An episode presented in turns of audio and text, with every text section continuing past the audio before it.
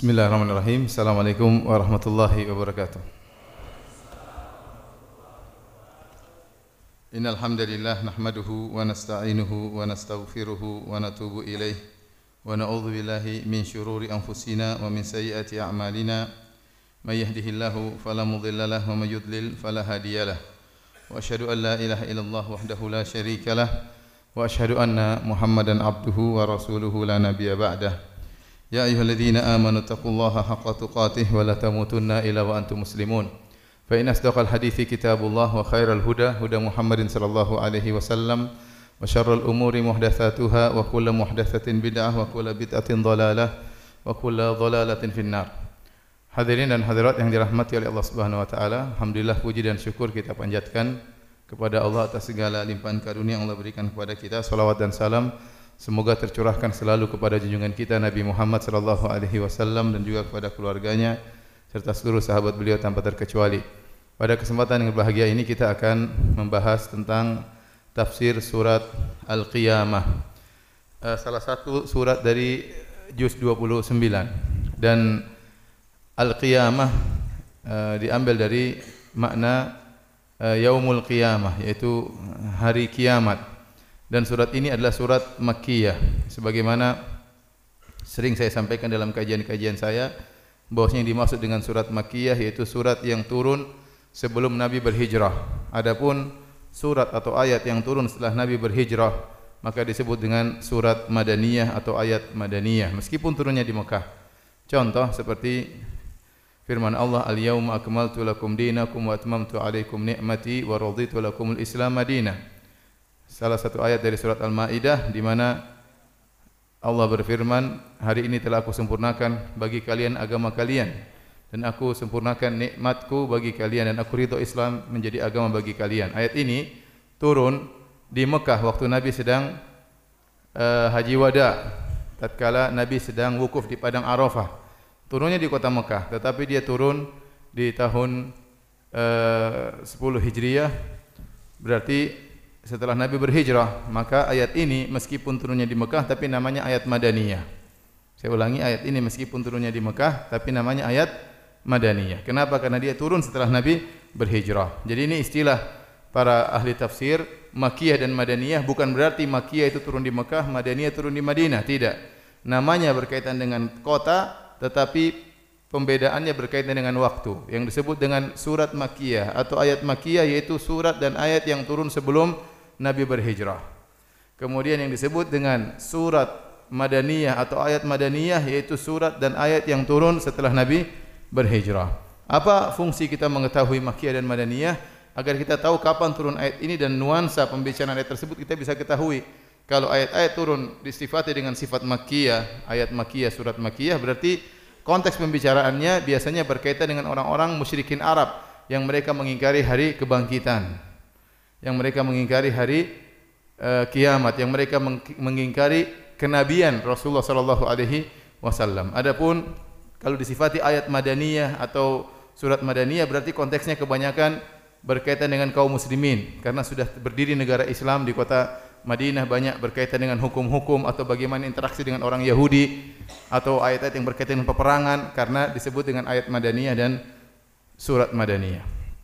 Taib, tatkala kita tahu surat ini surat Makkiyah, maka kita tahu nuansa ayat ini adalah berkaitan dengan orang-orang musyrikin yang mereka mengingkari hari kiamat. Ayat ini berkaitan dengan Abu Jahal, dengan Abu Lahab, dengan Walid bin Mughirah, ya, dengan tokoh-tokoh kaum musyrikin. Uh, surat ini disebut dengan surat Al-Qiyamah. Apa maknanya Al-Qiyamah? Al-Qiyamah adalah salah satu dari nama-nama hari kiamat. Dan hari kiamat memiliki banyak nama seperti Al-Qiyamah, seperti As-Sakhah, seperti Al-Qari'ah, At-Tamah, ya, As-Sa'ah. Dan masing-masing nama tersebut memiliki uh, makna seperti As-Sa'ah. As-Sa'ah artinya waktu, artinya apa? Hari kiamat akan datang dengan tiba-tiba tidak disadari tahu-tahu tiba-tiba terjadi hari kiamat baktah maka disebut dengan as-saah contohnya as-sakhah yaitu hari yang berkaitan dengan suara yang sangat kencang yang memiliki suara makanya Allah mengatakan fa idza ja'atis sakhah tatkala ditiupkan sangkakala disebut dengan at-tamah at-tamah artinya malapetaka yang meliputi segalanya. Tidak ada seorang pun yang bisa menghindari dari malapetaka tersebut. Itu disebut dengan hari kiamat juga namanya at-tamah contohnya juga namanya adalah uh, al-qari'ah. Al-qari'ah yaitu sesuatu yang mengetuk dengan keras. Seperti orang qara al-bab itu mengetuk pintu dengan keras, memukul dengan kuat sehingga menakjubkan, mengagetkan orang yang mendengarnya tatkala kedahsyatan hari kiamat begitu banyak menjadikan orang ketakutan pada hari tersebut maka disebut dengan al-qari'ah ya. Kemudian uh, di antaranya disebut dengan yaumuddin, hari pembalasan, yaumul hisab. Namanya banyak di antara sekian nama-nama hari kiamat adalah al-qiyamah. Al-qiyamah diambil dari kata qama yaqumu qiyaman. Artinya berdiri. Yauma yaqumun nasu li rabbil alamin.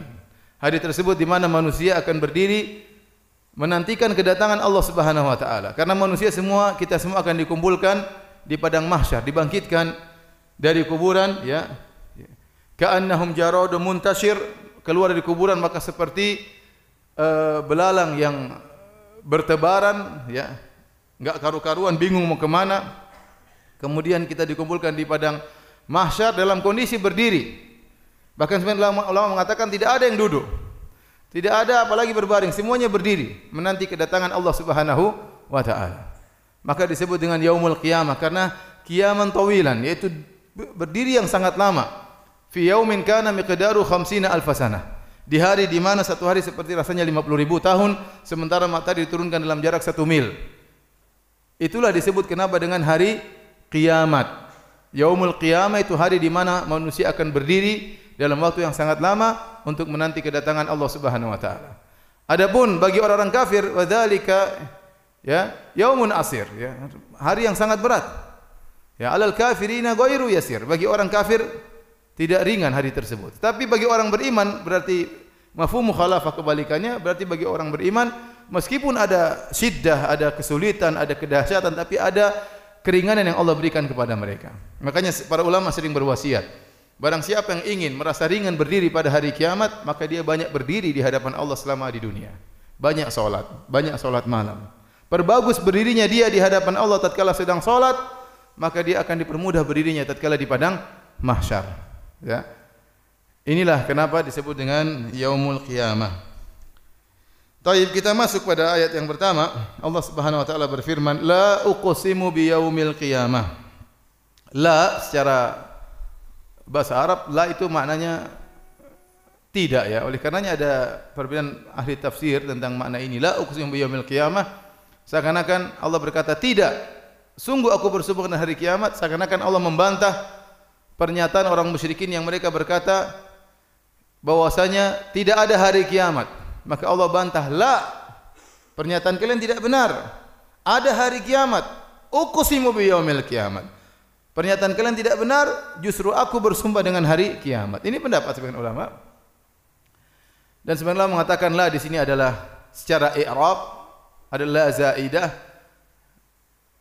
yang tujuannya adalah ditaukid untuk menekankan dan ini dalam Al-Qur'an disebutkan dalam beberapa ayat tambahan la ya tapi maksudnya untuk menekankan. Ini tentu saya membahas bahasa Arab nanti antum tidak paham ya.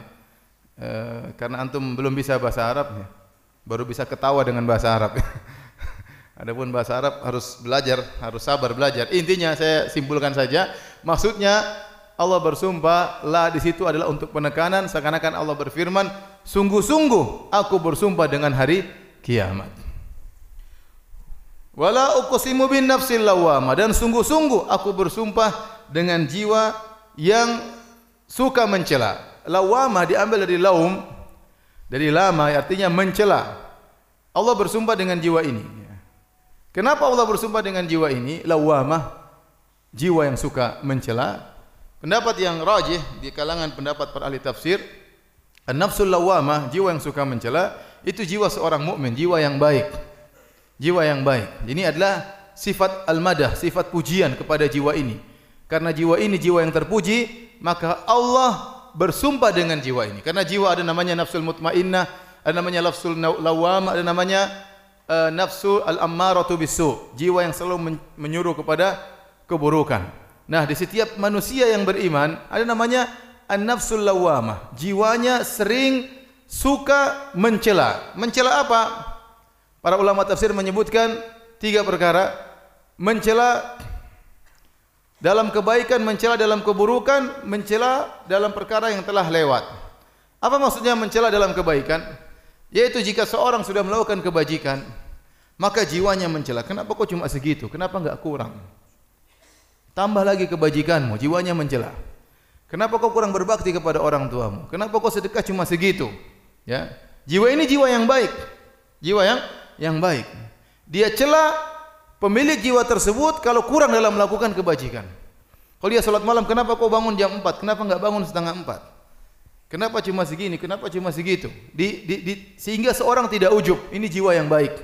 Dia mencela pelakunya tatkala melakukan kebajikan karena kurang dalam melakukan dalam melakukan ketaatan. Namanya nafsul lawamah. Kemudian dia mencela dalam keburukan. Jika dia terjerumus dalam keburukan, maka jiwanya mencela. Penyesalan timbul. Kenapa kau begini? Kenapa kau begitu? Ya. Ada hadithun nafs, ada jiwanya berbicara. Seakan-akan ada penyesalan. Ya.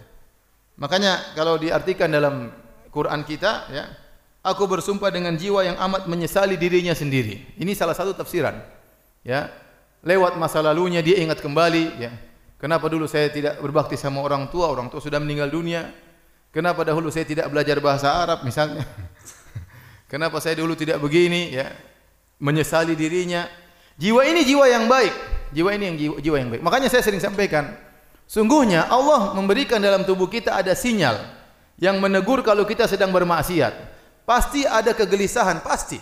Selama anda beriman, pasti ada kegelisahan. Berbeda dengan orang-orang kafir, mungkin mereka tidak ada jiwa yang mencela. Fitrah mereka sudah berubah. Mereka tidak peduli, mau melakukan apa saja mereka tidak peduli dengan hisab. Tidak peduli dengan hari kiamat. Adapun orang beriman pasti jiwanya memberontak. Bahkan saya katakan, kalau antum ria, pasti ada sinyal menegur anda sedang ria. Pasti. Sehingga anda bisa bedakan kapan anda ria, kapan anda enggak sebenarnya. Kalau anda mau mengecek, menscan jiwa anda dengan benar-benar teliti, pasti ada sinyal yang menegur kamu sedang ria, kamu sedang ujub, kamu sedang hasad, karena jiwa ini jiwa yang baik, mencela. Tugasnya mencela pemilik jiwa tersebut. Kapan dia melakukan keburukan, maka ada sinyal yang menegurnya. Oleh karenanya Allah bersumpah dengan jiwa tersebut. Wala uqsimu bin nafsil lawamah. Sungguh aku bersumpah dengan jiwa yang suka mencela.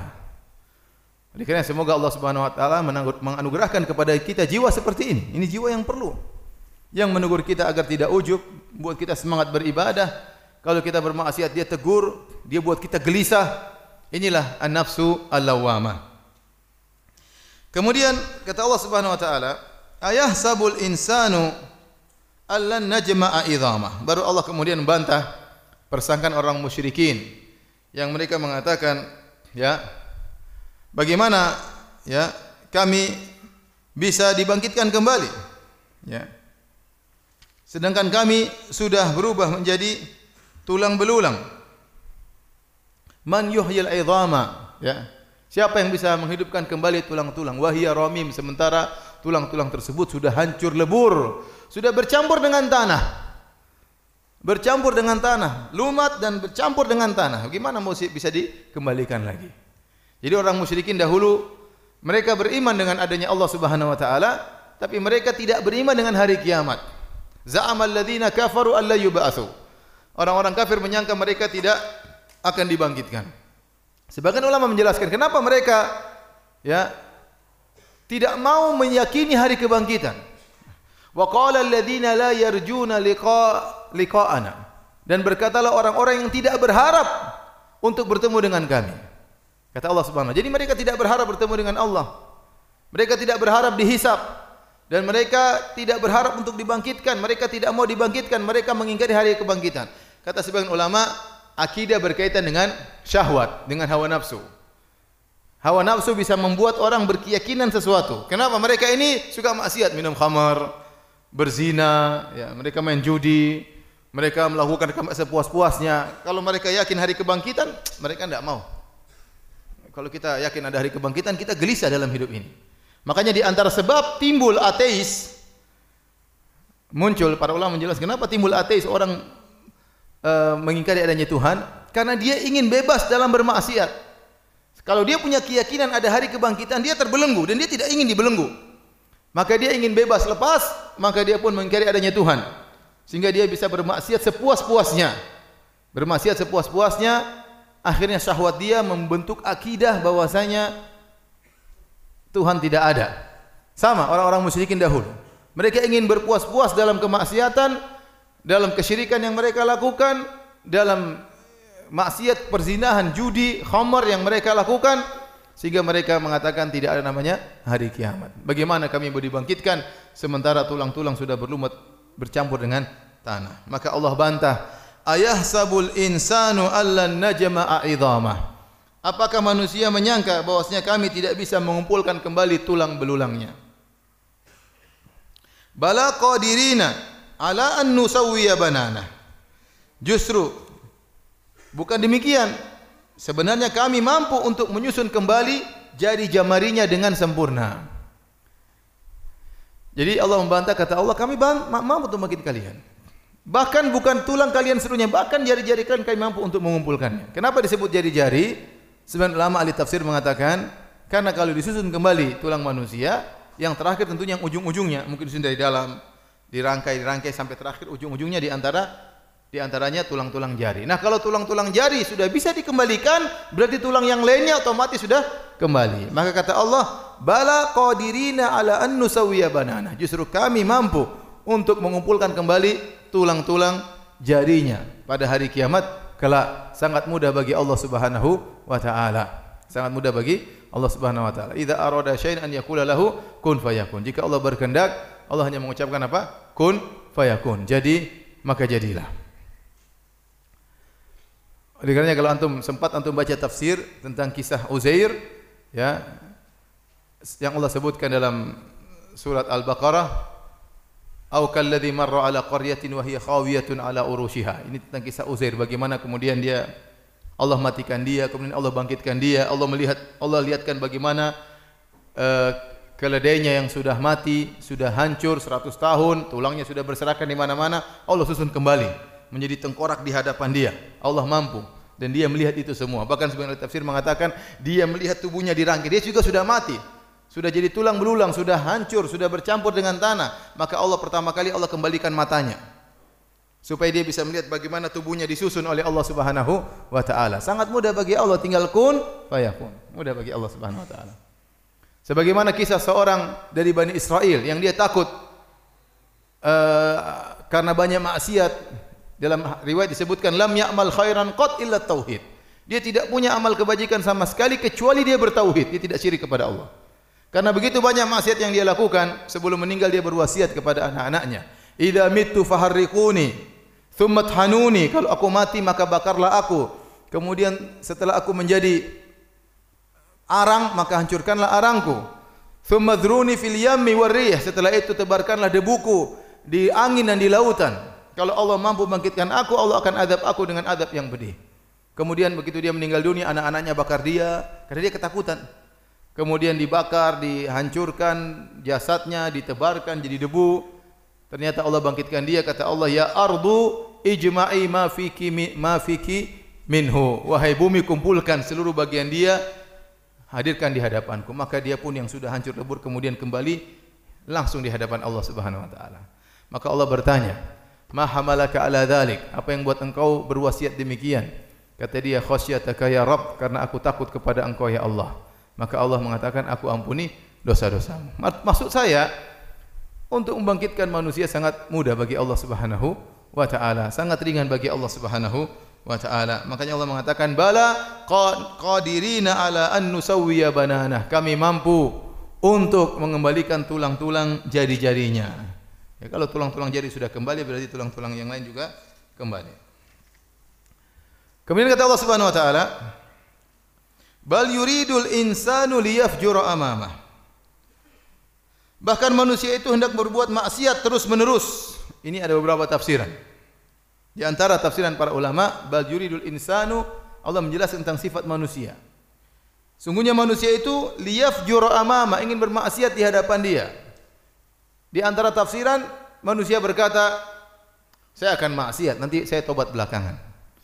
Sehingga tatkala dia sudah berniat untuk bertobat di kemudian hari, dia nekat bermaksiat sekarang. Kata dia Allah Maha Pengampun, tenang saja. Kita maksiat sekarang ya. Ya. Seperti waktu saudara-saudara Yusuf alaihissalam ingin membunuh Nabi Yusuf atau melemparkannya dalam sumur, ya mereka berkata watakunu min ba'dihi kauman salihin. Ya. Setelah itu kalian menjadi orang-orang yang saleh. Bunuh dulu Yusuf atau lemparkan dia. Ya, setelah itu baru taubat ya. Setelah itu baru taubat. Betapa banyak orang melakukan maksiat di antara yang memotivasi dia untuk bermaksiat adalah bisikan setan, tenang, habis itu kau bertobat. Ya, riba-riba tidak apa-apa, makan riba. Habis itu bertobat sebelum meninggal dunia. Ya. Ternyata sebelum bertobat sudah tewas dulu. Ya. Nah, itu banyak kejadian seperti itu. Nantilah berzina juga, berzina tidak apa-apa. Nah, nanti sebentar lagi kan kau tobat, sebentar lagi haji. Habis itu haji selesai, bersih dosa-dosa. Sebelum tiba waktu hajian dia sudah meninggal dunia. Ya. Betapa banyak orang rencana untuk bertobat. Saya akan bertobat umur sekian. Saya akan bertobat nanti kalau sudah pensiun. Tiba-tiba besoknya dia meninggal dunia. Oleh karenanya Allah berfirman bal yuridul insanu liyafjura amama. Dan sungguhnya manusia ingin berbuat maksiat di hadapannya dengan dalih dia akan bertobat setelah itu. Dia akan bertobat setelah itu. Di antara salah satu tafsiran para salaf. Di antara tafsiran yang dikuatkan oleh uh, para ulama yaitu bahwasanya maksudnya liyafjura amamah ay yukadzibu bi yaumil qiyamah yaitu dia mendustakan dia mendustakan hari kiamat yang ada di hadapannya maka dia berbuat fajir. Dia tidak peduli. Dia mau lakukan apa saja kata dia tidak ada hari kiamat. Dia membunuh orang dia mau berzina dia mau main judi. Dia zalimi orang dia tidak peduli. Dia menyakiti hati si fulan menyakiti si fulan dia tidak peduli. Dia mengatakan apapun dia menuduh apapun dia tidak peduli. Kenapa? Dia tidak yakin adanya hari apa? Hari kiamat. Makanya benar bahwasanya perkara yang paling membuat seorang mudah untuk meninggalkan maksiat adalah keyakinan dia tentang akan adanya hari kiamat. Bahwasanya dia akan dihisap. Semua perkataannya akan dimintai pertanggungjawaban. Semua penglihatannya, lirikan matanya akan dimintai pertanggungjawaban. Semua yang dia dengar akan dimintai pertanggungjawabannya. Semua yang terbetik di hatinya, hasad, dengki, ikhlas, ria, ujub, tawadhu, sombong semuanya akan dipertanggungjawabkan pada hari kiamat kelak. Ya. Maka kalau orang tahu akan hari kiamat, dia berhati-hati dalam berbicara.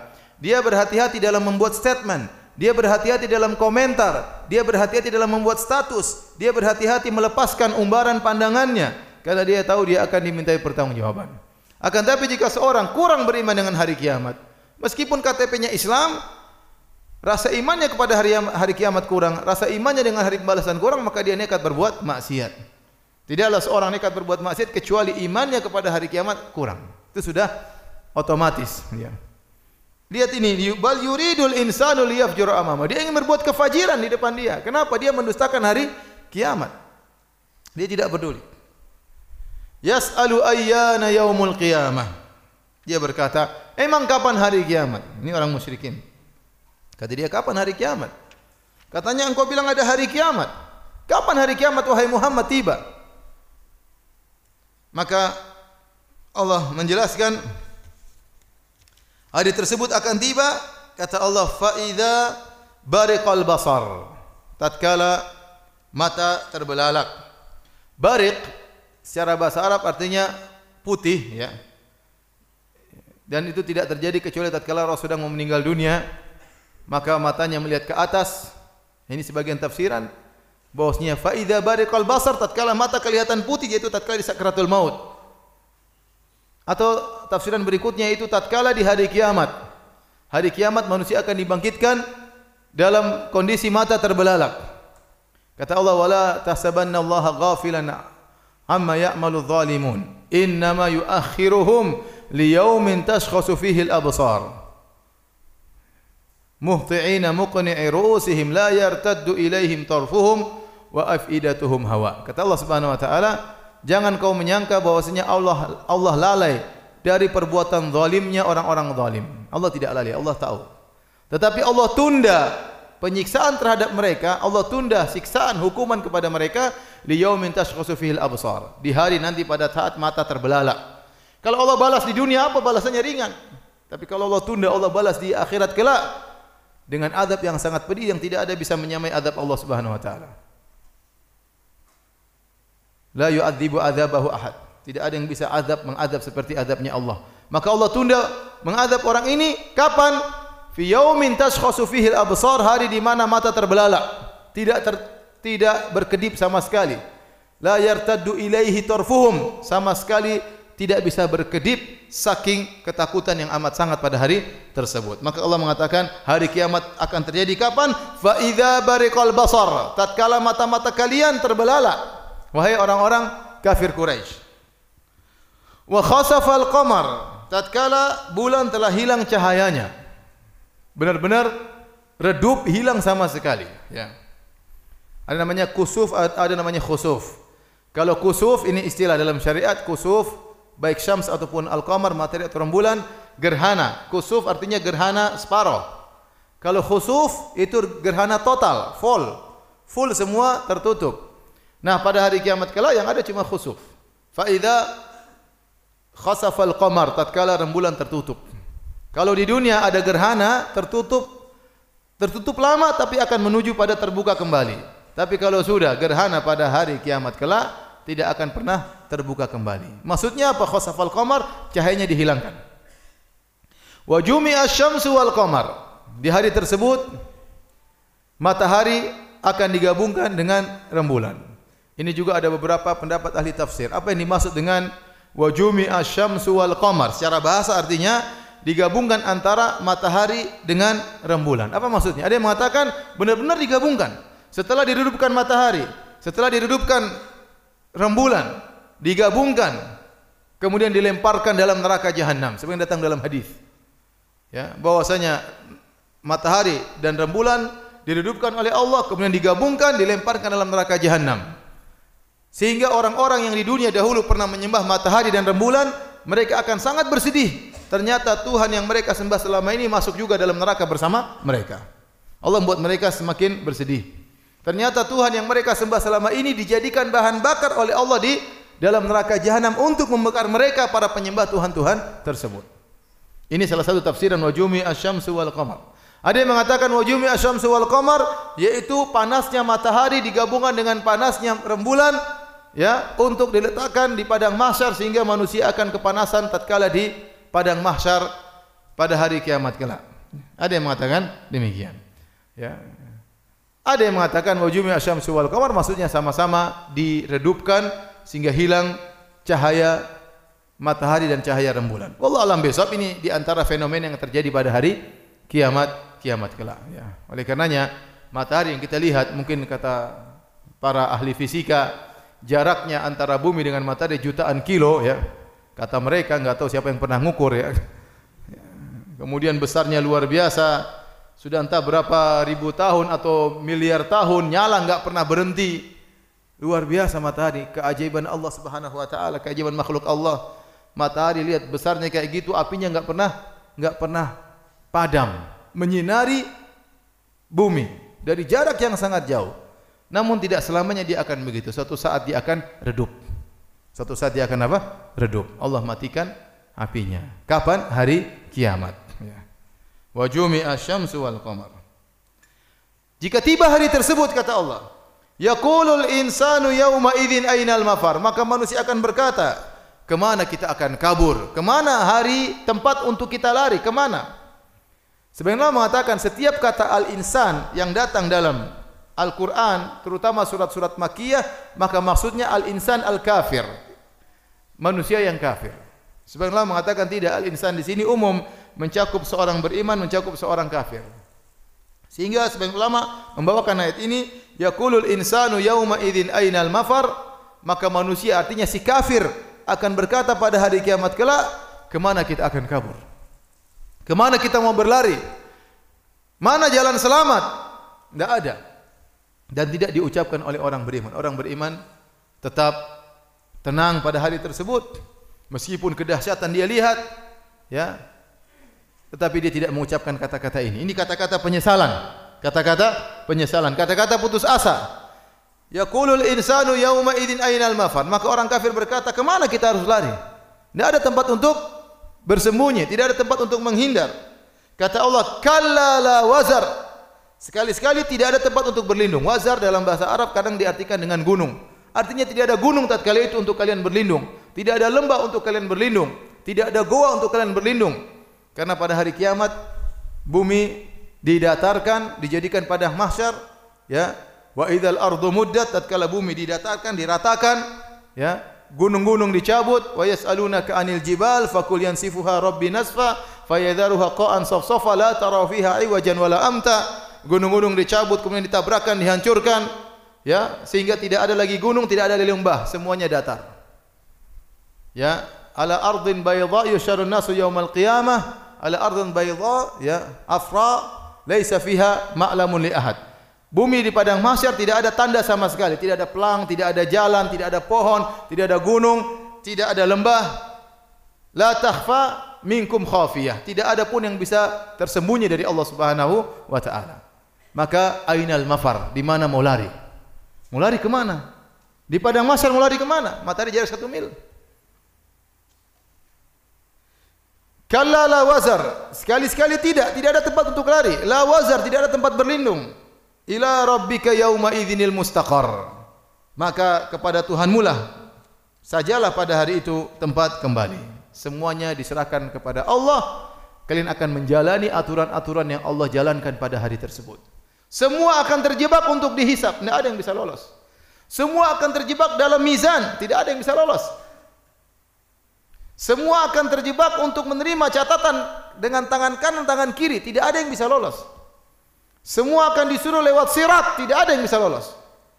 Kemudian jannah atau nar, neraka atau surga. Ila rabbika yauma idzinil mustaqar. Semuanya kembali kepada aturan Allah. Tidak ada yang berani berbicara tatkala itu. Kata Allah, Limanil mulkul yaum? Milik siapa kerajaan pada hari ini? Lillahil wahidil qahar. Hanya milik Allah Subhanahu wa taala. Di hari kiamat Allah berkata, "Anal Malik, ana Dayyan, aku adalah raja." Aina mulukul ard? Mana raja-raja dunia? Yang tatkala mereka di dunia bikin aturan, merubah aturan, apa yang mereka lakukan kehendaki mereka bikin aturan di di akhirat mereka tidak bisa apa-apa. Tidak ada yang bisa kabur, tidak ada yang bisa lari. Semua ikut aturan Allah Subhanahu wa taala ila rabbika yauma idzinil mustaqar. Kemudian kata Allah Subhanahu wa taala tentang hari kiamat, yunabba'ul insanu yauma idzin bima qaddama wa akhar. Maka pada hari tersebut manusia akan dikabarkan tentang apa yang mereka depankan dan apa yang mereka akhirkan. Apa maksudnya? Qaddama wa akhar. Ini banyak tafsir di kalangan para tafsir, tapi maknanya semua benar. Ini dirajikan oleh uh, dirajikan oleh Ibnu Jarir At-Tabari karena sebagian ulama mengatakan maksudnya qaddam wa akhar manusia akan dikabarkan tentang apa yang dia majukan maksudnya ketaatan yang dia lakukan akhar yaitu maksiat yang dia lakukan ya, ya ada yang mengatakan qaddam wa akhar maksudnya qaddam yaitu amal perbuatan dia selama dia masih hidup adapun akhar yaitu amal jariah dia setelah dia meninggal dunia apakah pahala jariah atau dosa jariah ya. Semuanya akan dikabarkan kepada dia kita di dunia ini para hadirin kita melakukan banyak kegiatan sampai kita meninggal dunia. Begitu kita meninggal dunia dan sekarang kita banyak sudah kita lupakan. Banyak kebajikan yang kita lupakan yang pernah kita lakukan lebih-lebih lagi maksiat yang kita lakukan lebih banyak yang kita lupakan. Saya sering sampaikan kalau kita ditanya siapa yang pernah orang yang kau gibahi kita dah lupa terlalu banyak orang kita gibahi. Ya. Kita gibahi guru kita, kita gibahi tetangga kita, istri kita kita gibahi, ustaz kita kita gibahi, semuanya kita gibahi. Kalau ditanya lagi, kau pernah gibah Ustaz Firana enggak? Oh pernah. Apa gibahnya? Aduh banyak, saya lupa juga gibahnya apa aja. Jadi banyak. Kalau kita disuruh tanya apa yang pernah kita gibah, kita lupa. Kebaikan mungkin kita ingat, kemaksiatan banyak sudah kita lupakan. Ada maksiat-maksiat besar yang selalu kita ingat. Tapi banyak maksiat-maksiat yang sebenarnya besar di sisi Allah kita anggap sepele sehingga kita lupakan. Kenapa kita lupakan? Karena ketidakpedulian kita. Kebajikan juga demikian. Ada kebajikan yang kita ingat, ada kebajikan yang kita lupa. Ada orang mungkin datang kepada kita, "Wahai fulan, saya dulu kau pernah terakhir saya saya lupa. Kapan terakhir engkau? Kau pernah nemani saya? Aduh, saya lupa." Ya, ada kebajikan kebaikan kebaikan yang kita lupa. Nah, pada hari kiamat kelak, tatkala kita dibangkitkan, ya, maka kita akan diingatkan, yauma idzin yatadzakkarul insan. Maka pada hari tersebut manusia akan ingat seluruh yang pernah dia lakukan yunabbaul insan dia akan dikabarkan diingatkan ternyata dia diingatkan Bukan cuma yang selama dia kerjakan dalam kehidupan dunia ini. Bahkan setelah dia meninggal dunia. Apa dampak amal dia setelah dia meninggal dunia?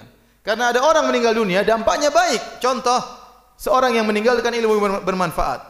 Seperti misalnya da'i yang soleh, da'i yang ikhlas.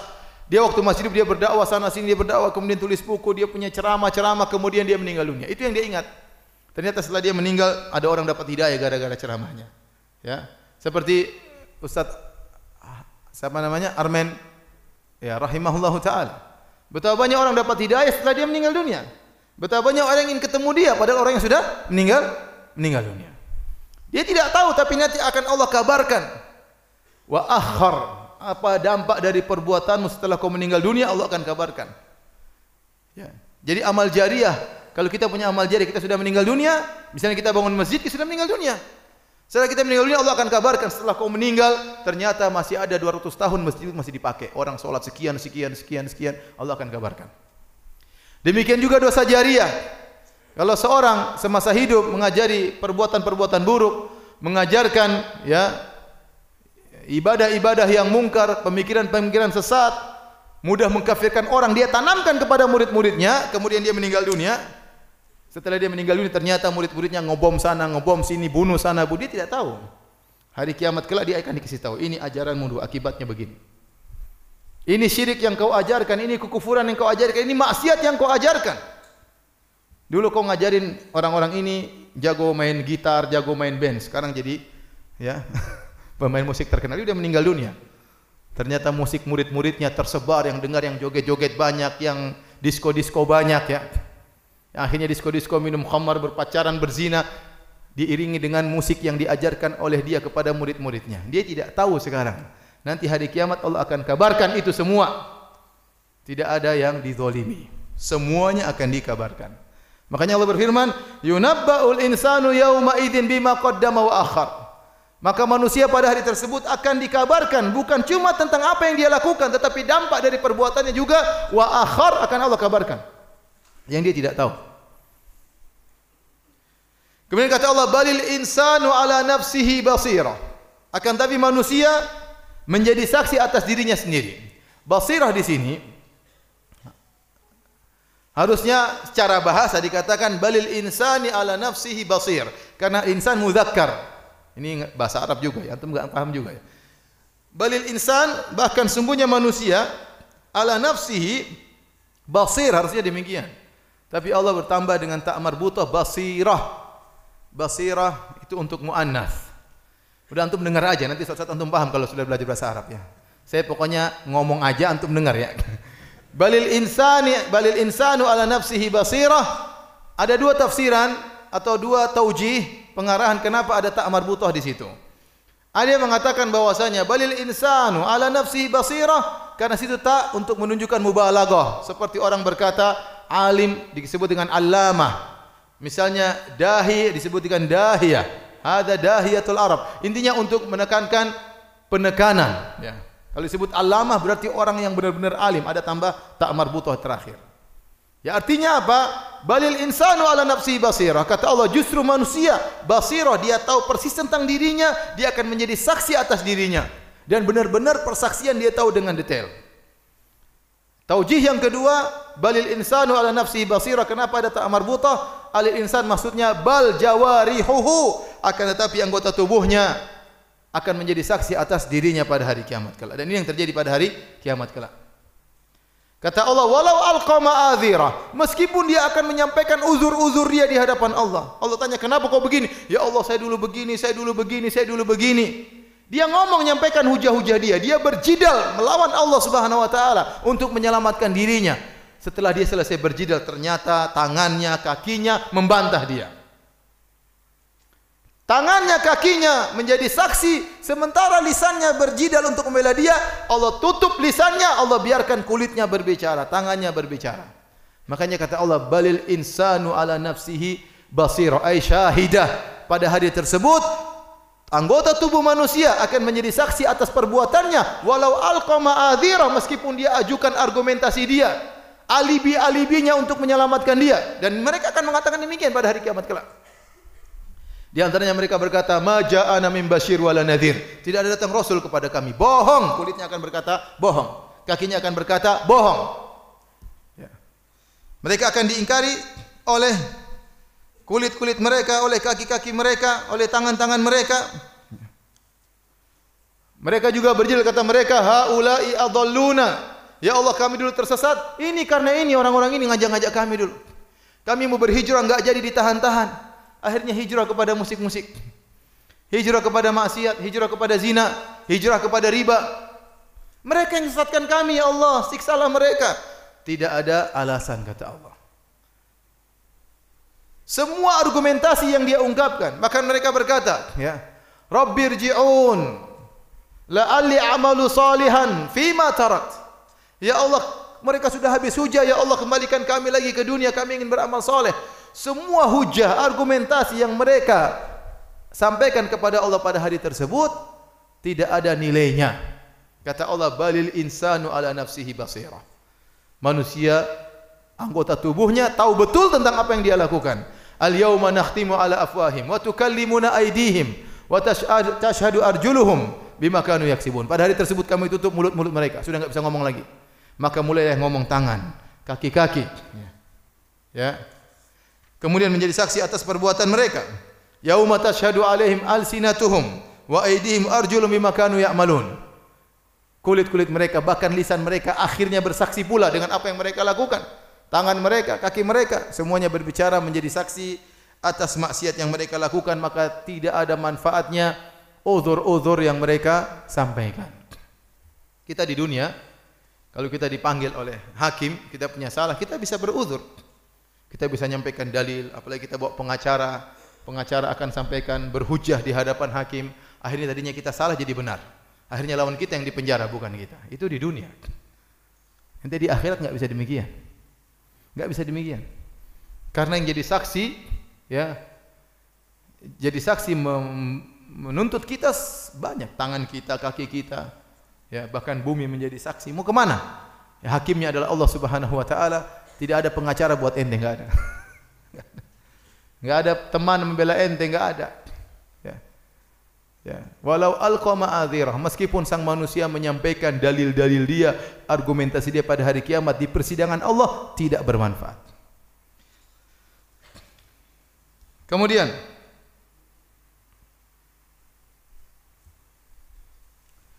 uh, kemudian setelah itu Allah berfirman paragraf baru jadi ikhwan kalau kita belajar buku tafsir kita harus tahu surat ini terisi beberapa paragraf.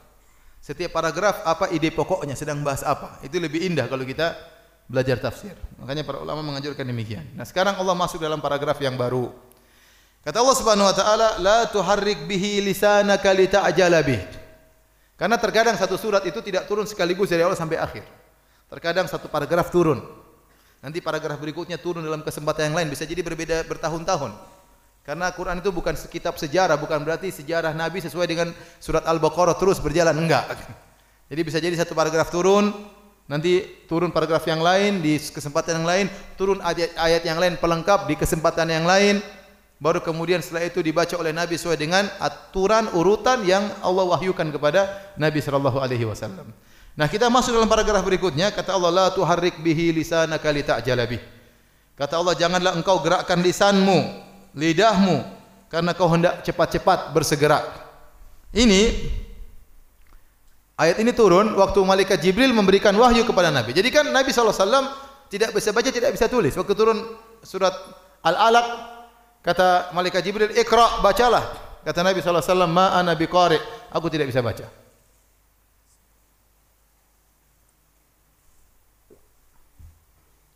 Karena tidak bisa baca, maka ditalkin semua Al-Quran yang turun kepada Nabi, semua talkinannya siapa? Malaikat Jibril.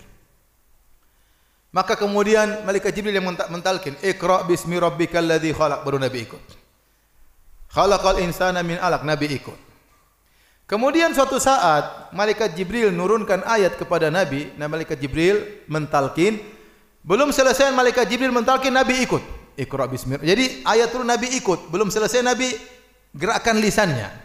Kenapa Nabi menggerakkan lisannya? Ada dua pendapat di kalangan para ahli tafsir disebutkan oleh Ibnu Jarir At-Tabari rahimahullah taala. Yang pertama, Nabi kenapa belum selesai malaikat Jibril sudah talqin didiktekan Nabi ikut membaca. Nabi takut lupa. Nabi takut lupa. Seperti kita karena mungkin setelah saya sekali terus malaikat Jibril pergi. Baru nanti kalau lupa gimana? Maka Nabi apa? Ngikutin supaya enggak enggak lupa. Ini pendapat pertama. Maka Allah tegur, jangan gerakan lisan wahai Muhammad. Tenang aja, dengerin aja. Inna alaina jam'ahu wa Qur'ana. Kami akan buat engkau bisa menghafal itu Al-Qur'an. Enggak usah, enggak usah diikuti. Kita kan kalau anak kita mau suruh kita hafal, kita ulang-ulang. Nah, malaikat Jibril mungkin cuma baca sekali. Ya, Nabi takut lupa, maka Nabi waktu malaikat Jibril lagi mentalkin lagi mendikte, dia ikutin supaya enggak lupa. Allah tegur. Kata Allah enggak usah. Inna alaina jam'ahu. Kami akan buat engkau akan menghafal Al-Quran di dadamu. Wa Qur'ana dan kami akan buat engkau pandai untuk membacanya. Tenang saja Muhammad, tidak usah kau ikuti bacaan diktean malaikat Jibril. Ini tafsiran pertama. Tafsiran kedua yang dipilih oleh Ibnu Jarir At-Tabari, Nabi SAW bukan takut lupa, tetapi Nabi begitu cinta kepada Al-Quran, dia ingin segera mental bertilawah dengan ayat-ayat tersebut. Kenapa? Karena dia cinta dengan setiap ayat yang turun menambah iman Nabi. Semakin dekatnya Nabi kepada Allah Subhanahu wa taala, maka sebelum selesai Nabi ingin segera baca, maka Allah tegur, jangan begitu. Tunggu selesai dulu baru kau baca karena Al-Qur'an belum turun paragrafnya belum sempurna. Tunggu dulu sampai sempurna baru kau baca wahai Muhammad. Ini tafsir yang dipilih oleh Ibnu Jarir At-Tabari. Oleh karenanya Syekh Abdurrahman bin Nasir Sa'di rahimahullah taala waktu menyampaikan ayat ini beliau mengatakan di antara faedah dari ayat ini kalau seorang murid mendengar pengajian dari gurunya, jangan langsung potong di tengah jalan. Karena bisa jadi pelajaran di awal berkaitan dengan pelajaran di di akhir. Tunggu sampai gurunya selesai baru dia kasih pertanyaan. Karena sebagian murid-murid kita lagi ceramah, Ustaz. Tunggu dulu, Ustaz. Apa? Tunggu, masih belum, belum. Saya belum selesai. Jawaban kamu berada di penghujung pengajian. Kamu tunggu dulu ya. Ustaz, apa hukumnya ini Ustaz? Kadang-kadang ada yang seperti badui seperti itu ya. Ya dia cuek aja ustaznya lagi ceramah serius. Ustaz, ustaz, ustaz, ustaz. Subhanallah. Badui banget ente. Tunggu dulu sampai selesai. Ya. Kalau ustaznya persilakan baru bertanya. Betapa banyak kita ingin tanya jawabannya berada di tengah pengajian atau di akhir pengajian. Ini faedah diberikan oleh Syekh Sa'di rahimahullahu taala. Jadi dua tafsiran. Intinya Nabi SAW tafsiran pertama, engkau enggak usah khawatir wahai Muhammad yang buat kau hafal adalah kami kata Allah Subhanahu wa taala. Tafsiran kedua jangan karena kau terlalu cinta kepada Al-Qur'an kau ingin baca tergesa-gesa. Tunggu dulu sampai paragrafnya selesai baru kau baca setelah itu. Ya. Baik kata Allah Subhanahu wa taala fa idza qara'nahu fattabi' qur'ana perhatikan sini. Kalau kami sudah baca ikutilah bacaannya. Perhatikan ayat ini. Kata Allah fa idza qara'nahu. Kalau kami sudah baca ikutilah bacaannya. Kalau kami sudah talqin, kalau kami sudah diktekan, maka ikutilah bacaannya. Kami di sini yang baca, Allah langsung atau malaikat Jibril? Allah langsung bacakan kepada Nabi atau malaikat Jibril yang bacakan? Malaikat Jibril. Malaikat Jibril. Seperti dalam surat Al-Alaq, Iqra bismi rabbikal ladzi khalaq. Di sini Allah menggunakan kata kami, maksudnya adalah malaikat. Ini datang dalam beberapa ayat. Allah menggunakan kata kami, maksudnya apa? Malaikat. Oleh karenanya penggunaan kata kami dalam Al-Quran bisa bermakna dua. Bisa bermakna Allah langsung tetapi maksudnya untuk ta'zim pengagungan. Dalam bahasa Arab biasa kalimat tunggal diungkapkan dengan jamak dan kita dalam bahasa juga demikian terkadang kita bilang kami padahal saya sendiri. Bahasa Indonesia juga ada. Kami maksudnya saya sendiri. Untuk apa pengagungan? Kami saya tidak bilang saya tapi kami telah melakukan demikian. Padahal saya cuma sendiri. Dan itu juga dalam Al-Quran, dalam bahasa Arab juga ada demikian. Contoh dalam bahasa Arab, saya bilang sama satu orang, saya bilang antum, padahal antum cuma sendiri. Antum gimana kabarnya? Padahal cuma satu orang. Dan itu dalam penggunaan bahasa Arab ada. Saya mengungkapkan antum yang tunggal dengan jamak untuk pengagungan. Paham? Bukan berarti antum banyak, tapi untuk pengagungan saya bilang antum. Padahal artinya anta. Anta itu satu, antum itu kalian. Ya, saya pun demikian bisa jadi ana bisa jadi nahnu. Saya terkadang saya ungkapkan dengan kami dalam bahasa Arab ada. Ini kemungkinan pertama dalam Al-Qur'an kenapa datang kata kami. Kemungkinan kedua kami maksudnya malaikat. Dan itu banyak dalam Al-Qur'an. Kenapa Allah menggunakan kata kami? Karena malaikat adalah anak buah Allah. Junudullah, pasukan-pasukan Allah. Mereka berjalan dengan perintah Allah Subhanahu wa taala. Ibarat seorang bupati ditanya, "Siapa yang bangun masjid itu?" Kata bupati, "Kami yang bangun." Padahal bukan dia. Dia cuma perintah, yang bangun tukang batu yang bangun. Tapi dia mengatakan kami karena tukang batu tersebut kerja atas perintah dia. Ya. Di sini Allah mengatakan fa idza qara'nahu. Kalau kami baca maka ikutilah. Maksudnya kami di sini siapa? Malaikat. Sama seperti firman Allah Subhanahu wa taala, "Wa nahnu aqrabu ilaihi minkum walakin la tubsirun." Jika seorang dalam kondisi sakaratul maut meninggal dunia, kalian datang menyenguk dia. Kata Allah, "Wa nahnu aqrabu ilaihi minkum." Kami lebih dekat kepada orang yang akan meninggal dunia daripada kalian yang menyenguk. Kami di sini maksudnya malaikat. Malaikat yang akan mencabut nyawanya. Walakin la tubsirun, tapi kalian tidak bisa melihat kami karena malaikat tidak terlihat. Allah menggunakan kata kami maksudnya apa? Malaikat. Contoh juga firman Allah Subhanahu wa taala, "Wa nahnu aqrabu ilaihi min hablil warid." Kami lebih dekat kepadanya daripada urat nadinya, maksudnya malaikat. Faham? Contohnya ayat ini, "Fa idza qara'nahu" kalau kami baca, maksudnya malaikat Jibril baca. Maka ikutilah bacaannya. Kenapa saya sampaikan ini untuk membantah pernyataan sebagian orang-orang kafir yang tidak mengerti bahasa Arab kata mereka orang Islam katanya Tuhannya Maha Esa. Ternyata dalam Al-Quran dibilang kami-kami. Apa bedanya dengan kami? Kami juga Tuhan tiga. Tiga sama dengan satu, satu sama dengan apa? Tiga. Kalau gitu sama dong. Sama apanya? Sama-sama syiriknya maksudnya? Enggak. Kita tiga, kami bukan berarti itu banyak. Kami berarti tetap satu. Bukankah Allah berfirman, Kul huwallahu ahad. Katakanlah Allah Maha Esa. Dan Kata kami tidak pernah dipahami oleh Abu Jahal, Abu Lahab. Kami itu pasti maknanya jama. Itu tidak pernah dipahami oleh Abu Lahab dan Abu Jahal dan teman-temannya. Kalau seandainya kata kami itu maknanya pasti berbilang, pasti sudah dijadikan bahan oleh orang-orang kafir untuk mencela Al-Quran. Hei Muhammad, mungkin Abu Jahal akan datang. Hei Mat, Mat sini kamu. Kamu bilang katanya Tuhanmu satu. Ini ini kami kami kami dalam Al-Quran banyak. Ente bohong. Abu Jal enggak pernah ngomong gitu. Abu Lahab enggak pernah ngomong gitu. Mereka pakar bahasa Arab. Al-Walid bin Mughirah tidak pernah ngomong begitu. Mereka pakar bahasa Arab. Karena mereka tahu perkataan kami tidak melazimkan harus ber, berbilang. Paham? Datang orang-orang bahlul tidak tahu bahasa Arab. Kemudian mencela Al-Quran. Mereka ngerti bahasa Arab. Kemudian bilang tuh katanya orang Islam juga kami-kami berarti berbilang. Berarti syirik. Enggak benar. Itu karena ente tidak tahu bahasa Arab. Taib. Kata Allah Subhanahu wa taala, "Tsumma inna alaina bayanah" dan kami akan menjelaskan tentang isi kandungan Al-Qur'an. Oleh karenanya ini dalil bahwasanya kita tidak bisa paham Al-Qur'an kecuali dengan Al-Qur'an dan sunnah. Kenapa? Karena Allah yang akan menjelaskan isi Al-Quran kepada Nabi dan Nabi yang menjelaskan penjelasan Allah. Hadis-hadis adalah penafsir bagi Al-Quran. Tidak mungkin orang beriman kepada Islam hanya Al-Quran doang tanpa ada hadis. Ada golongan namanya Al-Quraniyun yang hanya berdalil dengan Al-Quran. Hadis dia tidak mau. Ini adalah golongan yang sesat. Ya, tidak mungkin kita bisa paham Islam tanpa hadis. Sederhananya Allah mengatakan wa aqimus salat, dirikanlah salat. Coba sebutkan mana dalam Al-Quran kapan waktu azan, bagaimana azannya, salat berapa rakaat? Enggak dalam Al-Quran, enggak ada. Bagaimana aturannya apa yang dibaca tatkala ruku apa yang dibaca tatkala sujud apa yang dibaca tatkala duduk di antara dua sujud bagaimana kalau lupa lagi salat semua di mana coba coba kalian pakai Al-Qur'an gimana cara salat enggak bisa salat perinciannya hanya terdapat dalam hadis-hadis Nabi sallallahu alaihi wasallam. Baik kita lanjutkan. Kemudian Allah berkata kalla bal tuhibbunal ajilah Kata Allah sekali-sekali tidak benar.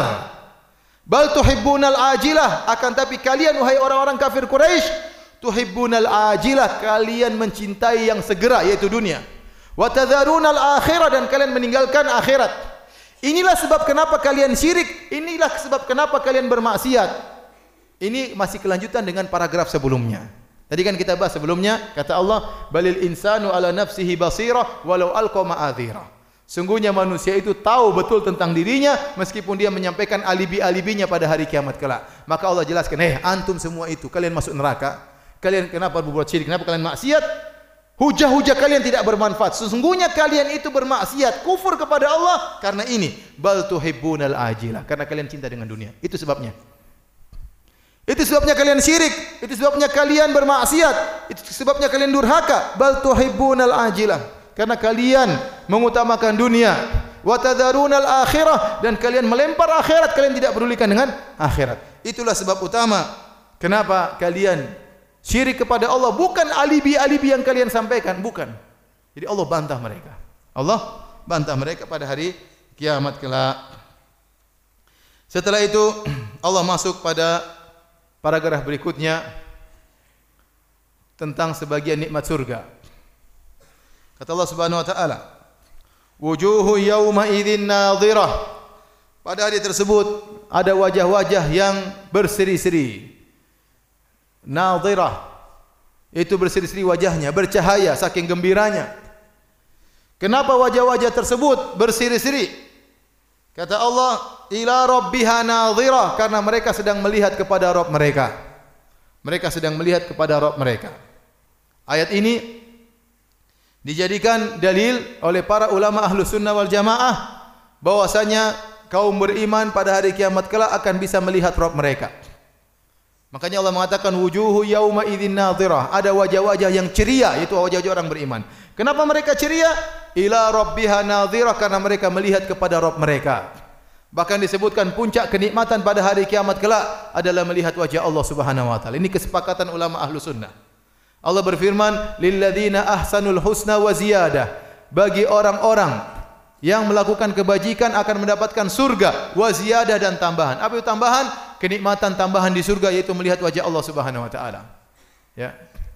Makanya pada hari kiamat kelak ya Allah bertanya kepada orang-orang yang beriman ya tentang kenikmatan yang mereka rasakan maka mereka berkata alam tubayyit wujuhana bukankah engkau telah menceriakan wajah-wajah kami ya Allah bukankah Engkau telah menyelamatkan kami dari neraka jahanam. Mau tambahan apa lagi? Nikmat ini sudah full, tidak ada kurangnya sama sekali.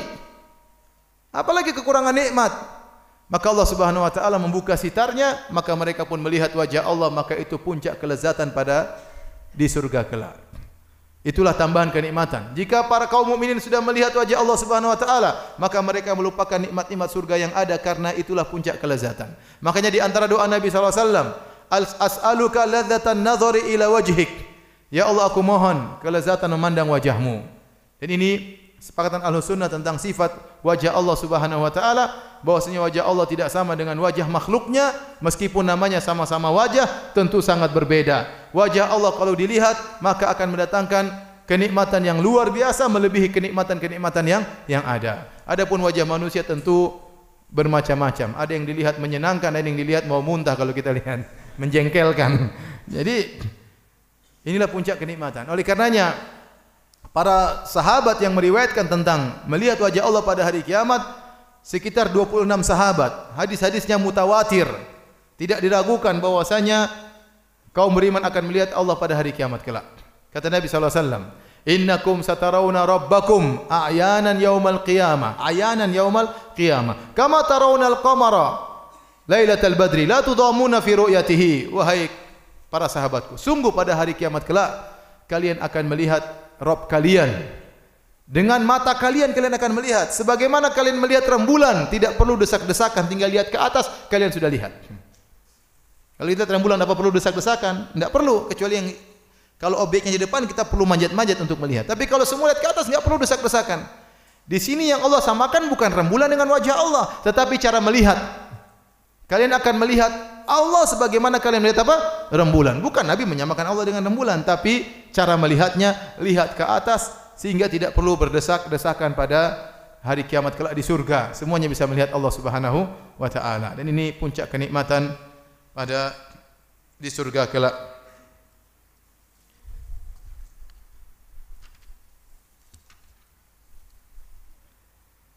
Apalagi Allah Subhanahu wa taala mengatakan wujuhun wajah-wajah berseri-seri. Wajah-wajah yang melihat berarti melihat dengan dengan mata, melihat dengan mata melihat Allah Subhanahu wa taala. Sebagian orang mentakwil ayat ini. Kata mereka ila rabbiha nadhirah. Kata mereka maksudnya nadhirah di sini artinya menunggu. Sungguhnya wajah-wajah sedang ceria menanti balasan dari Tuhan mereka. Bukan melihat Tuhan mereka tapi apa? menanti ganjaran dari Tuhan mereka. Ini dibantah oleh para ulama, dibantah di antaranya dibantah oleh Al-Qurtubi rahimahullahu taala. Karena kalau orang sudah masuk surga, tidak ada tunggu-tunggu lagi, paham? Makanya waktu Allah Subhanahu wa taala sebutkan tentang penghuni surga, ya. thumma uh, kata Allah Subhanahu wa taala dalam surat uh, Fatir ya thumma awrathna alkitaba alladhina istafaina min ibadina faminhum zalimun linafsi dan seterusnya kata Allah Subhanahu wa taala jannatu adnin yadkhulunaha yuhallawna fiha min asawira min dhahabin wa lu'lu'a wa libasum fiha fiha harir. Kata Allah mereka ini masuk surga. Begitu mereka masuk surga langsung mereka dapat kenikmatan. Kata Allah yuhallawna fiha. Yuhallawna fiha di sini kalau i'rab dalam bahasa Arab adalah hal. Sekali lagi antum tidak ngerti bahasa Arab. Untuk dengar aja pokoknya jadi begitu mereka masuk surga, kata Allah jannatu adnin yadkhulunaha yuhallawna fiha min asawir. Apa i'rab dari yuhallawna? I'rabnya adalah hal. Artinya begitu mereka masuk surga, langsung terkondisikan mereka langsung dapat kenikmatan. Langsung dihiasi dengan pakaian yang indah. Tidak masuk surga, pelongak-pelongok lihat dulu. Bidadari. Tidak, kelamaan. Begitu masuk surga langsung dapat nikmat. Paham? Itulah di surga seperti itu. Bukan cari-cari bidadari ku mana, bidadari ku mana. Ini ibu, eh bukan, masih maju lagi. Cari lagi mana mana bidadari? Ini saya bukan masih lagi bukan. Depan depan sana bidadari buka. Loh, kok istriku lagi? Itulah bidadarimu. Sudah cantik jelita. Enggak ada begitu di akhirat. Begitu datang langsung dapat apa? Kenikmatan. Enggak nunggu-nunggu. Makanya mentakwil menunggu balasan pahala dari Allah tidak tepat. Karena orang menunggu itu gelisah justru gelisah. Ente tahu misalnya makan restoran enak, ente tahu enak, tapi ente kan nunggu jadi nggak enak. Lihat saja nggak bisa nyentuh nggak enak, apalagi nunggu nggak kelihatan, lebih nggak enak. Jadi yang benar, yang benar bahwasanya ayat sini adalah dalil yang tegas dan dikatakan Imam Syafi'i dan para ulama seluruhnya ahlu sunnah mengatakan bahwasanya pada hari kiamat kelak anda akan melihat Allah Subhanahu Wa Taala itu puncak kenikmatan. Ini akidah diselisih oleh Mu'tazilah. Oleh Mu'tazilah. Mereka meyakini Allah tidak bisa dilihat di dunia maupun di di akhirat. Ya, ada sebagian orang berpemahaman seperti demikian ya. Saya masih ingat waktu di hajian ada seorang ulama dia masuk di kemah yang situ Mu'tazilah. Ya, tatkala tahu itu Mu'tazilah punya pemahaman seperti itu dia sengaja bahas tentang ayat ini. Di antara kenikmatan surga melihat wajah Allah mereka semua buyar langsung tinggalkan kemah, enggak mau dengar mereka pergi.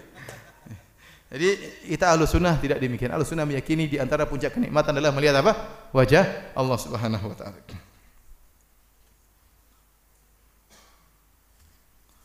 Baik, kita lanjutkan. Wujuhu yawma idzin basirah. Ada wajah-wajah yang ceria, ada wajah-wajah yang celaka. Yang mereka tidak bisa melihat wajah Allah subhanahu wa ta'ala. Ya. Kemudian Tadhunnu ayyuf ala biha fakir dalam kondisi ketakutan. Dia yakin dia akan diberi perkara yang dahsyat. Fakir itu perkara yang dahsyat.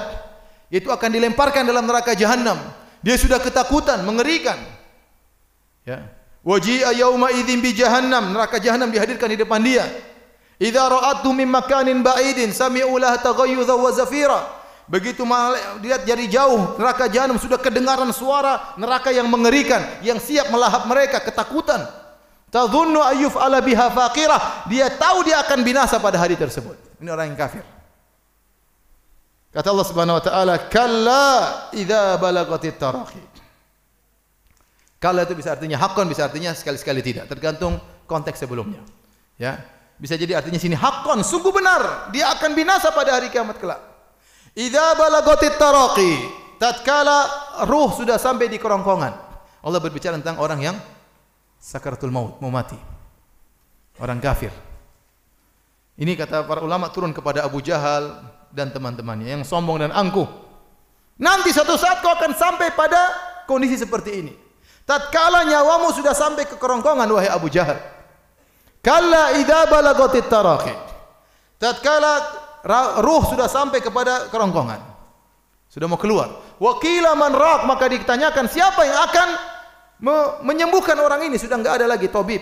Rokin di sini ada dua makna. Ada yang artinya rokin artinya tabib yang meruqyah. Ini tafsiran pertama.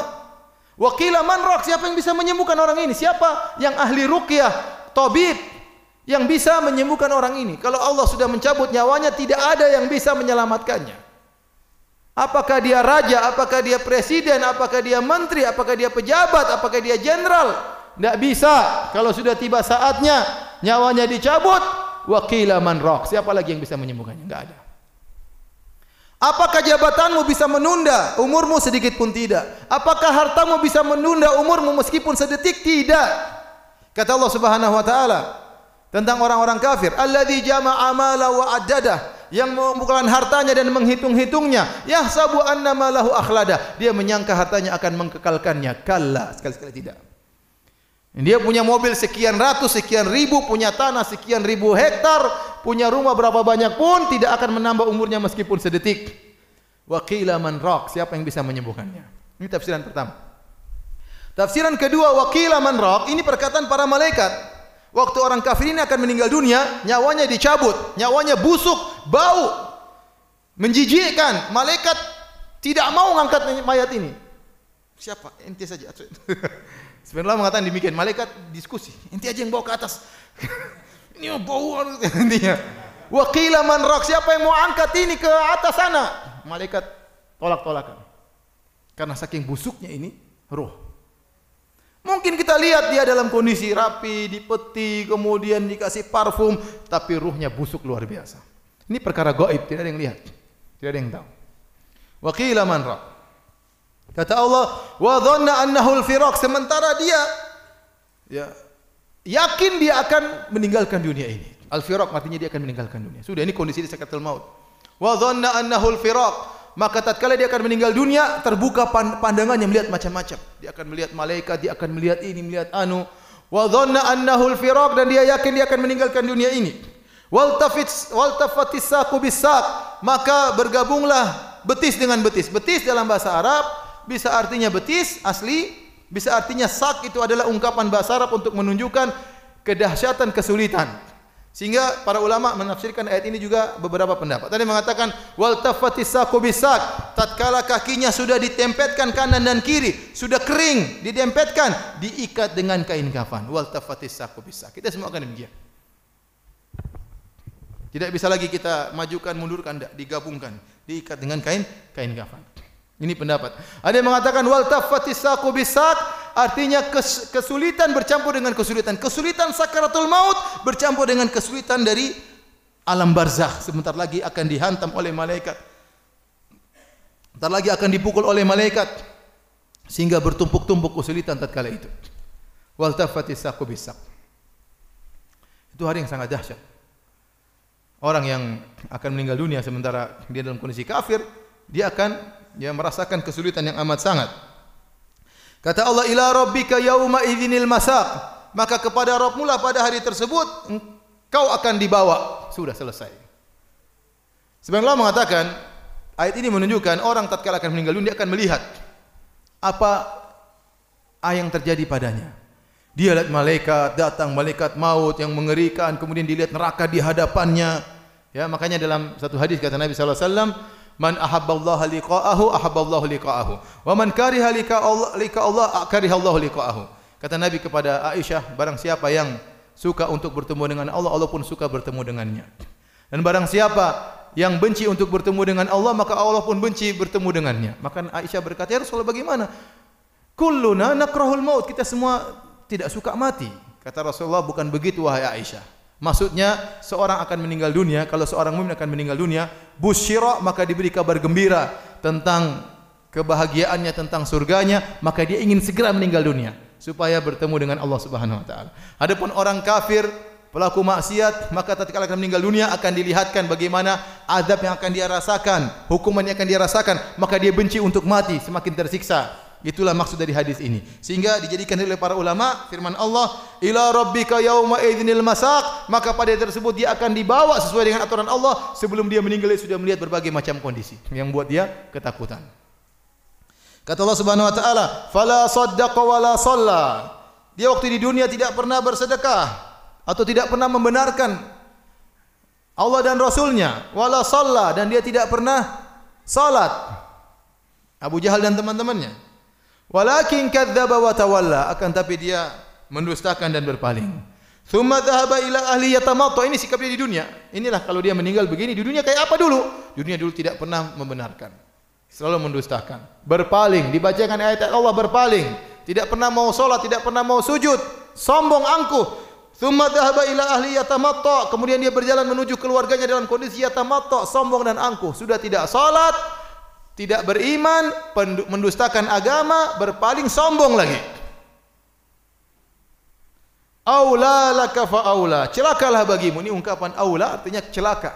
Celaka kepada engkau. Summa aula laka fa aula. Celaka bagi engkau, celaka bagi engkau. Ulangi, Allah ulangi aula empat kali. Celaka, celaka, celaka, celaka. Karena disebutkan sebelumnya juga empat kesalahannya yaitu fala saddaqa wala shalla walakin kadzdzaba wa tawalla empat perkara maka Allah mengatakan celaka celaka celaka celaka. Dan Allah kalau sudah menghukum menyiksa detail. Setiap dosa ada hukumannya. Detail tidak ada yang tidak detail. Di akhirat semuanya apa? Detail. Ente melakukan kebajikan detail juga Allah akan balas. La tahkiranna minal ma'rufi syai'an walau antal ko akhaka biwajhin talib. Jangan kau remehkan kebajikan sedikit pun meskipun hanya tersenyum waktu bertemu dengan teman. Itu senyum itu akan ada balasannya. Demikian juga maksiat, detail Allah balas. Makanya kata Allah, "Fama ya'mal mithqala dzarratin khairan yarah." Barang siapa melakukan kebajikan sebesar darah pun dia akan lihat hasilnya. "Wa may ya'mal mithqala dzarratin syarran yarah." Barang siapa melakukan keburukan sedikit pun dia akan melihat hasilnya. Tatkala Abu Jahal Fala saddaqa wala salla walakin kadzdzaba wa tawalla. Empat perkara dilakukan. Dia tidak membenarkan, dia tidak salat, dia mendustakan, dia berpaling. Kata Allah, aula laka fa aula, thumma aula laka fa aula. Celaka engkau, celaka engkau, celaka engkau, celaka engkau. Kemudian di akhir surat kata Allah Subhanahu wa taala, ayah sabul insanu ayutraka sudah. Apakah manusia menyangka dia akan diciptakan dan biarkan begitu saja?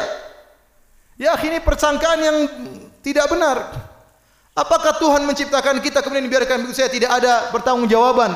Yang zalim membunuh yang yang yang lemah, yang yang zalim menzalimi yang lemah. Yang satu menipu yang lainnya, yang satu dibunuh, yang satu dirampas hartanya, kemudian Allah biarkan begitu saja. Yang satu solat, satu enggak solat, satu setia kepada istrinya, satu berzina. Apakah semua dibiarkan begitu saja tanpa ada pertanggungjawaban? Ini tidak benar. Kalau ada seorang kepala perusahaan membiarkan pegawainya begitu hancur kacau balau tidak ada pertanggungjawaban, ini pemilik perusahaan bahlul, paham? Bagaimana Allah Maha Pencipta kemudian membiarkan menciptakan kita terus dibiarkan begitu saja tidak ada pertanggungjawaban? Apa kalian menyangka kalau kalian mati dimasukkan dalam kubur selesai urusan? Bukan itu awal permasalahan. Itu awal pertanggungjawaban. Ayah sabul insanu ayutraka sudah. Apakah manusia menyangka dia akan dibiarkan begitu saja tanpa diperintah, tanpa dilarang, tanpa diberi hukuman, tanpa diberi ganjaran? Alam yakunu tufatan mim maniyyin yumna? Bukankah dia dahulu adalah dari air mani yang terpancarkan? Ini air mani terpancarkan. Beda dengan air madi, beda dengan air wadi. Air mani keluar dengan terpancarkan disertai dengan ejakulasi. Itu air mani. Makanya Allah mengatakan min maniyyin yumna, air yang terpancarkan dari air yang hina mimma imahin air yang hina thumma kana alaqatan fa khalaqa fa sawwa kemudian menjadi segumpal darah lalu kami sempurnakan ciptaannya faja'ala minhu zawjaini dzakara wal untha lalu Allah jadikan dia berpasang-pasangan lelaki dan wanita itu semua Allah bikin tidak ada pertanggungjawaban cuma main-main saja bikin begitu air mani jadi manusia kemudian dikasih nikah punya anak kemudian dikasih harta kemudian selesai ini Tuhan kayak apa seperti ini? Allah bilang, apakah seperti itu Tuhan? Alaysa dzalika biqadirin ala ayyuhil mauta? Bukankah yang menciptakan kalian dari awal sampai akhir mampu untuk membangkitkan kalian begitu sangat mudah? Selesailah surat Al-Qiyamah. Demikian saja para hadirin dan hadirin Allah Subhanahu wa taala. Kalau ada yang bertanya saya persilahkan. Wallahu taala alam bisawab. Kalau tidak ada alhamdulillah.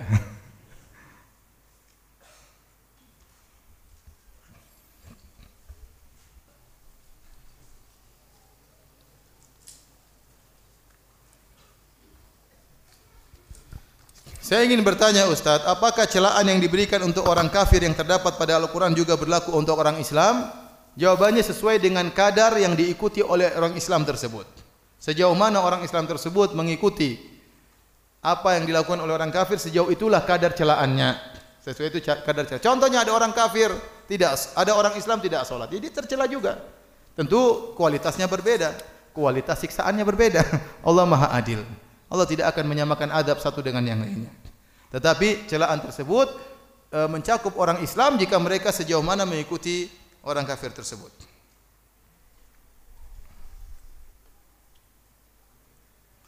Penjelasan dalam melihat Allah di surga, apakah kita melihat seluruhnya? Karena kita adalah makhluk yang kecil sedangkan Allah Maha besar. Tentu tidak bisa kita lihat Allah seluruhnya.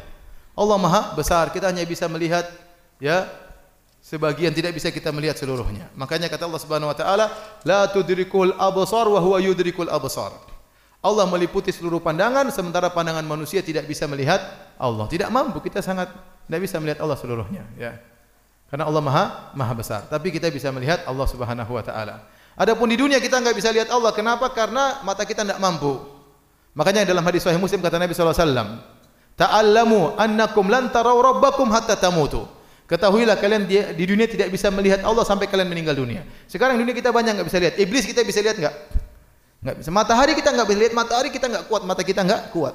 Padahal cahayanya cuma seberapa sih? Kita enggak mampu. Orang ngelas kita enggak bisa lihat, enggak mampu. Kita enggak bisa ngelihat. Jin-jin kita enggak bisa lihat. Gendruwo kita enggak bisa lihat. Dan yang lain kita enggak bisa lihat. Hari kiamat kelak nanti kita bisa lihat. Kita sekarang di dunia kalau ada matahari jaraknya sedikit taruh di, di depan sini berdiri satu hari mati mungkin kita. Ya dua hari lah jangan satu hari. Tapi kalau di hari kiamat kelak matahari jarak satu mil di bawah terik matahari enggak mati-mati. Kenapa? Karena memang diciptakan oleh Allah untuk hari yang tiada penghujungnya namanya hari akhirat. Kenapa disebut hari akhirat? Karena hari tersebut tidak ada penghujungnya. Maka pada hari kiamat kelak ya, orang kafir juga sama mereka akan bisa melihat jin, bisa melihat iblis, bahkan mereka bakalan ngobrol sama iblis di neraka jahanam. Mereka bisa lihat malaikat, mereka ngobrol dengan malaikat. Demikian juga orang-orang penghuni surga juga akan dirubah cara pandang mereka, diberi kemampuan untuk melihat sehingga mereka di antaranya bisa melihat malaikat, mereka juga bisa melihat apa? Allah Subhanahu wa taala.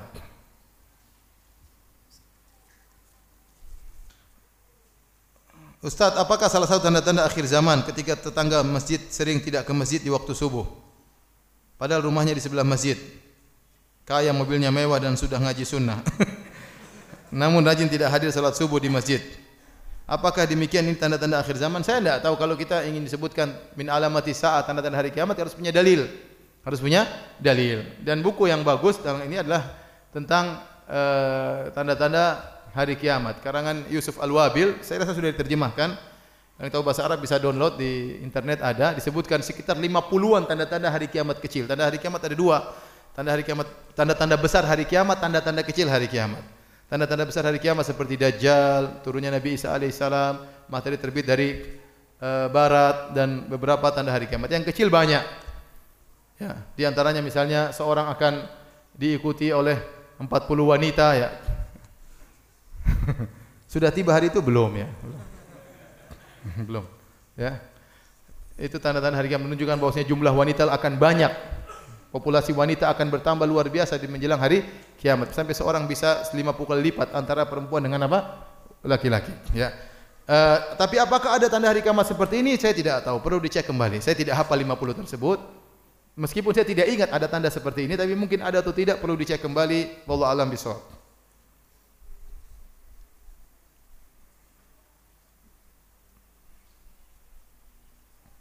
Dalam Islam surga dan neraka untuk manusia sudah ditentukan sebelum kita lahir di dunia. Saya kadang-kadang merasa kalau saya perbuatan kalau perbuatan adalah ahli neraka. Apakah memang dulu saya sudah ditakdirkan masuk neraka? Kenapa seudon sama Allah Subhanahu wa taala? Kita enggak tahu ya. Betapa banyak orang bekas penjahat itu tidak. Betapa banyak orang. Saya punya kawan bapaknya kafir. Waktu dia mau dia sakit, tidak mau beriman tapi teman saya nemani nemani sakit lama sekali mungkin berbulan-bulan. Sebelum meninggal la ilaha illallah. Coba. Ini buktinya berpuluhan tahun dalam kondisi kafir tapi karena berkat doa anaknya berdoa bersabar mendakwahinya meninggal dalam kondisi apa? Islam. Contoh nyata tukang sihir Fir'aun. Puluhan tahun kerjanya sebagai profesinya tukang sihir. Ya tidak? Profesinya tukang sihir. Cari duit dengan apa? Berbuat syirik. Kemudian beriman di penghujung hayatnya tidak sampai satu hari. Beriman, dibunuh Fir'aun, masuk surga. Selesai. Maka antum jangan bilang, jangan-jangan saya dicatat di lawil mahfud penghuni penghuni neraka. Kenapa ente tidak bikin kemungkinan kedua? Jangan-jangan saya dicatat penghuni apa? Surga. Yang jelas kita tidak tahu bagaimana nasib kita. Kalau seorang sudah tahu takdirnya, baru dia boleh berhujah. Kalau saya bilang kalau ente tahu di Lauhil Mahfuz nama ente sudah ada di neraka, mau ente baik pun percuma. Kalau ente sudah tahu nama ente Paijo bin Paimin Al Semarangi, ente lihat Lauhil Mahfuz ini nama saya benar, Paijo bin Paimin tunggu. Oh Semarang benar saya di surga sudah ente maksiat apapun ente pasti masuk apa surga. Tapi siapa yang pernah lihat? Ya, siapa yang pernah lihat? Enggak ada yang pernah itu rahasia Allah Subhanahu wa taala. Kenapa kita ditakdirkan dan kita tidak, tidak tahu takdirnya agar kalau ente beriman ente jangan sombong, ente enggak tahu bagaimana ujung ente. Kalau ente maksiat, ente jangan putus asa, ente enggak tahu bagaimana ujung ente. Kalau ente terkena musibah jangan terlalu bersedih karena sudah ditakdirkan. Kalau ente dapat kenikmatan jangan sombong, itu maksudnya. Bukan untuk protes ya. Kalau saya sudah diterima, itu kita enggak tahu. Ngapain kita berdalil dengan sesuatu yang tidak kita ketahui. Sama, gampangannya gini. Ada orang kasih ente makan, ente lapar nih. Kasih makan. Kalau saya sudah dicatat lauhil mahfuz kenyang, tidak perlu makan pun saya kenyang.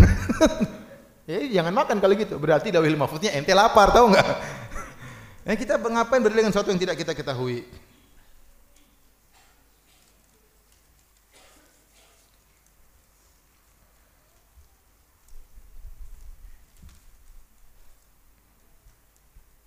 Bagaimana kedudukan hafiz Quran dengan akidah menyimpang di hadapan Allah dengan berutut ilmu bukan hafiz namun berakidah yang benar. Al-Quran ya Khawarij juga mereka hafal Al-Quran. Khawarij mereka juga banyak menghafal apa? Al-Quran. Al-Quran itu dihafalkan bukan untuk dihafalkan doang tapi untuk diamalkan. Betapa banyak hafal Al-Quran namun tidak mengamalkan. Bahkan sebagian orang-orang kafir mereka hafal sebagian surat-surat dalam Al-Quran. Jadi yang penting adalah bagaimana pengamalan Al-Quran. Bukan menghafalnya. Menghafal itu sarana. Kalau ternyata sarana tersebut tidak sampai pada tujuannya, percuma. Maka saya katakan, tujuan dari Al-Quran adalah mengamalkannya. Kata uh, kata Fudail bin Iyad, rahimahullah ta'ala. Innama unzil Al-Quranu liyu'mala bih. Sungguhnya Al-Quran diturunkan untuk diamalkan. Fattakhadha nasu kira'atahu amala. Maka orang-orang hanya mencukupkan membacanya dianggap sebagai praktek Al-Quran. Padahal membaca itu cuma sarana. Praktek yang harus pahami, yang dia praktekkan. Jadi memang apakah benar orang hafal Quran pasti masuk surga? Tidak juga. Ada orang hafal Quran, dia tidak tahu apa yang dia baca. Ada orang baca Al-Quran, dia menyimpang dari isi Al-Quran tersebut. Ya. Ya, tapi di antara sarana untuk menambah ketakwaan hafal Quran, tapi tidak menjamin bahawa orang hafal Quran pasti dia masuk surga. Tidak. Bukankah ada orang hafal Quran menjadi sombong? Bisa tidak? Bukankah ada ustaz bisa jadi sombong? Bisa. Ilmu bisa buat orang sombong. Al-Quran bisa bikin orang apa? Sombong. Kalau dia tuntut tidak ikhlas, dia jadi sombong dan angkuh. Ustaz, apakah maksiat yang kita perbuat kalau sudah bertobat masih dihukum? Enggak. Kalau kita sudah bertobat dan memenuhi persyaratan tobat tidak akan dihukum.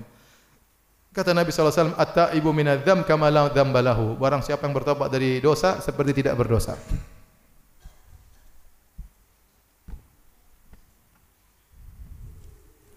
Ustaz bagaimana nasib musisi yang bertobat di akhirat? Bagaimana cara tobatnya? Ya tobatnya tinggalkan itu musik-musik. Bertobat. Jangan goyang-goyang lagi. Jangan genjreng-genjreng lagi. Bertobat pada Allah Subhanahu wa taala. Musik itu diharamkan dengan ijma ulama. Empat mazhab semuanya mengharamkan. Di antara ulama yang sangat keras mengharamkan musik, ulama Syafi'iyah. Suruh orang-orang yang mengatakan musik itu halal, buka buku-buku mazhab Syafi'i. Semuanya pasti bilang musik itu apa? Haram. Nah, sebagian orang kalau sudah bicara musik kita bilang kita harus bermadhab syafi'i, bermadhab syafi'i, sudah bicara musik madhabnya dia buang, enggak pakai madhab syafi'i lagi. Ya, enggak benar. Empat madhab, madhab Abu Hanifah, madhab Maliki, madhab syafi'i, madhab Hambali, semuanya mengharamkan musik. Dan musik itu benar-benar melalaikan. Seandainya tidak ada dalil mengharamkan musik, kita pun tahu mudaratnya besar. Ya tidak? Seandainya tidak ada dalil mengharamkan musik, saya bilang musik tetap haram. Kenapa mudaratnya besar? Betapa banyak orang main musik, lalai, tidak nikmat baca Al-Quran, tidak bisa menangis baca Al-Quran. Kemudian main musik, akhirnya perempuan eh, zina dan macam-macam. Ini temannya para pemusik. Apakah musik mendatangkan kebahagiaan? Jawabannya tidak. Kalau musik mendatangkan kebahagiaan, harusnya para pemusik adalah orang yang paling bahagia. Ternyata di antara mereka ada yang morfin, di antara mereka ada yang berzina, rumah tangganya rusak, di antara mereka yang dibunuh diri. Ya, kita ingin bahagia, baca Al-Quran. Baca Al-Quran. Betapa banyak mereka menampakkan diri mereka seakan-akan berbahagia, ternyata mereka tidak bahagia. Ente lihat saja nasib-nasib mereka lihat. Kenyataan yang ente lihat bisa lihat. Apakah mereka bagus? Mungkin ada satu dua, tapi Islam dibangun di atas hukum golib. Biasanya bagaimana? Yang nadir, yang jarang tidak dijadikan sebagai landasan hukum. Kalaupun tidak ada dalil yang mengharamkan musik, saya bilang haram. Apalagi ada dalil yang mengharamkan apa? Musik. Apalagi ijma ulama mengharamkan musik. Benar-benar melalaikan ya.